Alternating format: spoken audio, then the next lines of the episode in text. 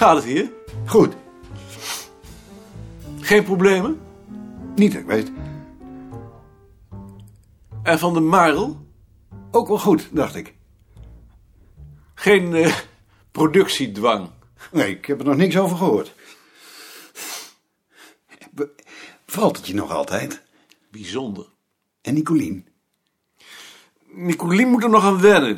Het verstoort haar ritme, zegt ze. Ze is niet aan gewend om midden in de week ineens te moeten fietsen als ze dat niet zelf gepland heeft. Eh, ze vindt het ook niet leuk als ik alleen ga. Als jullie nu niet komen, dan wordt de, de, de koffie koud. Hij die vroeg of jullie geen zin hebben om een keer onze kant op te komen als je toch gaat fietsen. Als jullie nu niet Op een komen, zondag. dan wordt de koffie Of op een koud. zaterdag. Als jullie nu Lijkt me leuk. niet komen, Ons, eh, ons dan ook wel. wordt de koffie koud. Eigenlijk, ja. Als jullie nu niet komen, wordt de koffie, koffie koud. Dini, hoe gaat het nou met jou? Ik vind het zelf eigenlijk wel goed.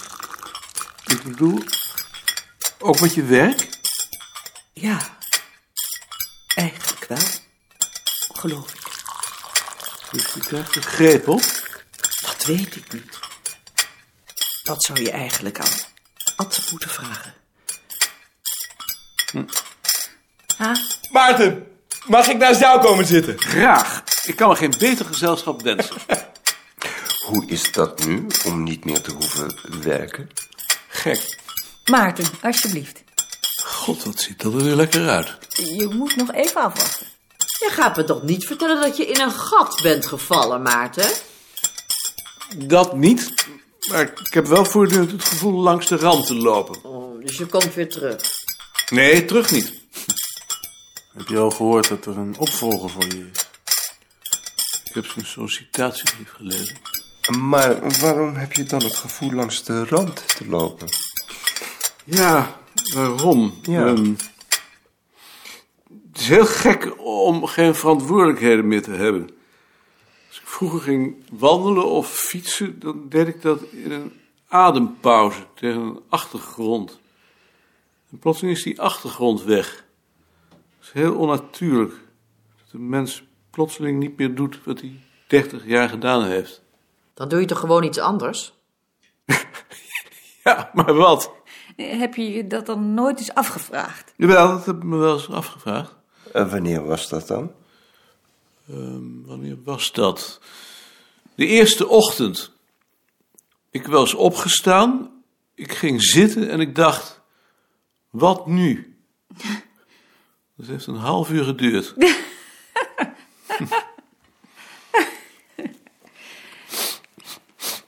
Mm. Dat is lekker zien. Alleen hierom al is het de moeite waard hier naartoe te komen. Wat vond je eigenlijk van die sollicitatiebrief? Ik maak er echt bezwaar tegen dat hier over eh, eh, eh, eh, personen gepraat gaat worden. Echt. Je lijkt Bart wel. Hm, Ik ben het met Freek eens. Daar heb ik ook bezwaar tegen. Er is een sollicitatiecommissie geweest en, en, en, en, en daarmee basta. Het lijkt me een geleerd man. Hè? Zeg, wij denken erover om het kaartsysteem in de bezoekerskamer te zitten. Wat vind jij daarvan? Dat vind ik idioot natuurlijk. Oh ja? Ja, tuurlijk. Waarom dan? Omdat het dan een bende wordt. En omdat je de informatie juist bij een vak als het onze in eigen hand moet houden. Maar daarom gaan we het ook invoeren in de computer. Dan kunnen ze het ook online krijgen. Hij begreep dat iedereen, nu hij weg was, de gelegenheid aangreep om zijn hobby's na te jagen. En hij verbaasde zich er opnieuw over dat het hem zo weinig kon schelen. Hij voelde zich nog wel de baas, maar hij was niet meer verantwoordelijk. Hij keek tersluiks naar Ad. Ad zat erbij met een grijns, zijn mond dichtgeknepen.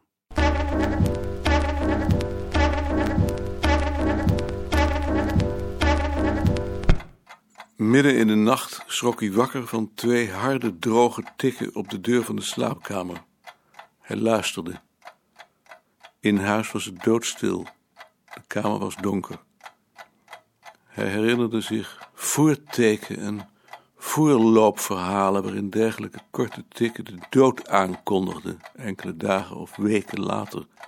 Hij luisterde scherp. Ver weg in huis of in het huis naast het hunne hoorde snelle, doffe ploffen, alsof iemand op blote voeten hard door de gang liep. Hij wachtte op het doortrekken van een wc, maar gebeurde niets. Het was opnieuw stil. Hij had hoofdpijn en een misselijk opgezet gevoel in zijn borst en zijn maag. In de streek waar zijn lever zat, voelde hij een korte, scherpe pijn. Misschien dat het eten te vet was geweest. Hij keerde zich op zijn andere zij, maar draaide zich weer terug toen zijn linker schouder pijn ging doen, Ouderdom komt met gebreken, kind. Je zult nog wel eens aan me denken. zei zijn schoonmoeder dan. Onaangename gedachten die bij hem bleven tot hij insliep. Hij droomde dat hij Bals belde voor een verwijzingsbriefje naar de tandarts. Het was al zes uur, maar hij vond het urgent genoeg om zijn aarzeling te overwinnen. Toen Bals de hoorn opnam en zijn naam noemde, hoorde Maarten meteen dat hij zat was. Dan zal ik toch eerst inlichtingen moeten inwinnen. Hij is zo zat als een tor. Oh, dat vindt u misschien gek. Ja, dat vind ik gek.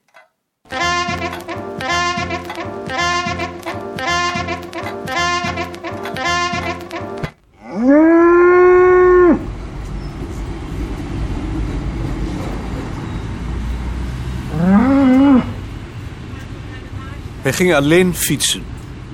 Toen hij de brug bij de Haarlemmerpoort opreed, kwam aan de tegengestelde richting een koe aangerend. Al rennend zocht ze radeloos naar een veilige plek, sliert schuim uit het bek. Achter haar kwamen op enige afstand aangerend een paar mannen met verdwaasde, verkrampte gezichten. De achterste had een blauwe overrol en een wit petje met rode letters.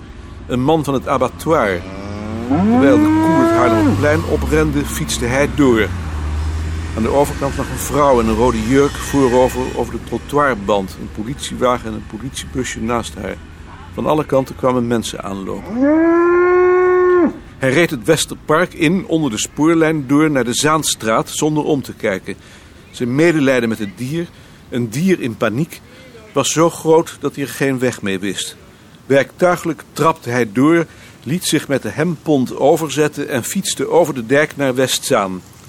Pas toen hij door het dorp reed, begon hij zijn omgeving weer te zien. De koe zou nu wel dood zijn. Hij stak de straat over en zette zijn fiets op het klinkerpad dat onder de bomen naar de doopsgezinde kerk de vermaning leidde, liep naar de kerk, keek naar de lantaarn, naar de houten gevel en naar het aangrenzende huis. In de kamer stonden bloemen. In een apparaat op een kast gloeide een rood oog. Hij keek naar die details en prentte ze in zijn hoofd. Om die koe kwijt te raken. En verder stapte hij opnieuw af bij een met dakpannen bekleed hooihuis. En nog wat verder, bij de brug, nog eens. Daarna zette hij zijn fiets voor de prins.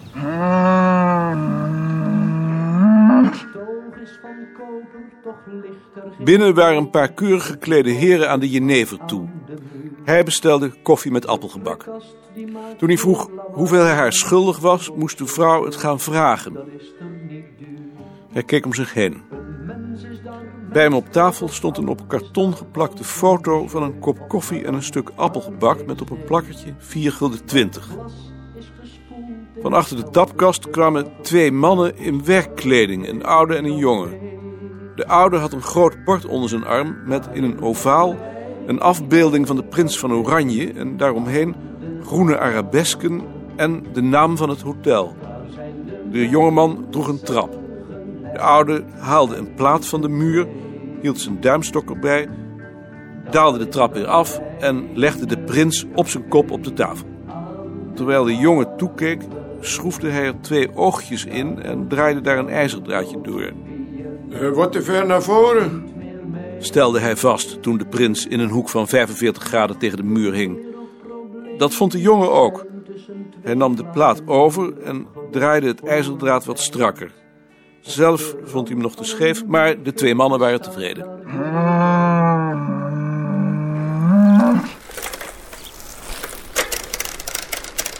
Terwijl de herinnering aan de koe langzaam vager werd, peddelde hij naar Krommenie. En vandaar over het rijwielpad langs het Alkmaardermeer. Hij had een harde wind tegen. De hemel was dichtgetrokken met een sluierachtige bewolking, waardoor een saai, vaag zonlicht viel, bijna zonder schaduw. In de harde wind klotsten de golven tegen de kant en lagen de witte zeilen van de boten scheef. De weilanden waren gegierd. In de verte staken de schoorstenen van de hoogovens en van de hoge fabrieksgebouwen langs de zaan boven de horizon uit. Midden in de kleine polder stond een loopstal, midden van allerlei rommel. Hij ging tegen het dijkje zitten, in de luwte, en at zijn brood. Toen hij verder reed en de bocht nam naar het zuiden, merkte hij dat de wind gedraaid was. Hij had hem opnieuw tegen. Bij de afslag naar Assen-Delft klom hij de dijk op om de tekst op de grenspaal te lezen. Toen hij daar stond, kwamen van de kant van Assen-Delft een twintigtal koeien aanrennen. Hou ze tegen! riep een boer die achter hem aankwam. Hij daalde de dijk af en posteerde zich midden op de weg. De koeien begrepen het en draaiden zich om. Langzaam fietste hij achter ze aan. Ze hadden hem herinnerd aan de koe van die ochtend. Die herinnering werd nog navranter toen hij voor de boerderij waar ze het erf op werden gedreven... twee grote veewagens zag staan. Lusteloos trapte hij over de dijk, draaide naar het oosten en kreeg de wind achter.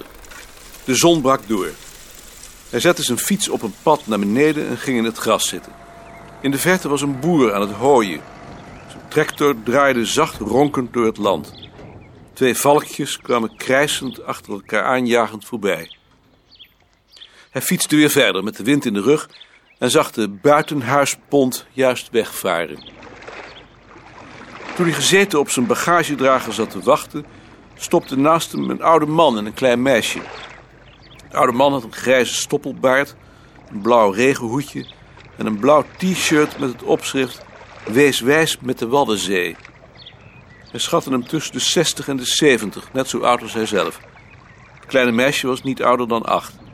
Ze had een lichtblauwe jurk aan en een blauw geverfde fiets. Beide fietsen waren zwaar bepakt. De oude man haalde een kaart tevoorschijn en bestudeerde die. Dezelfde kaart als die van hemzelf.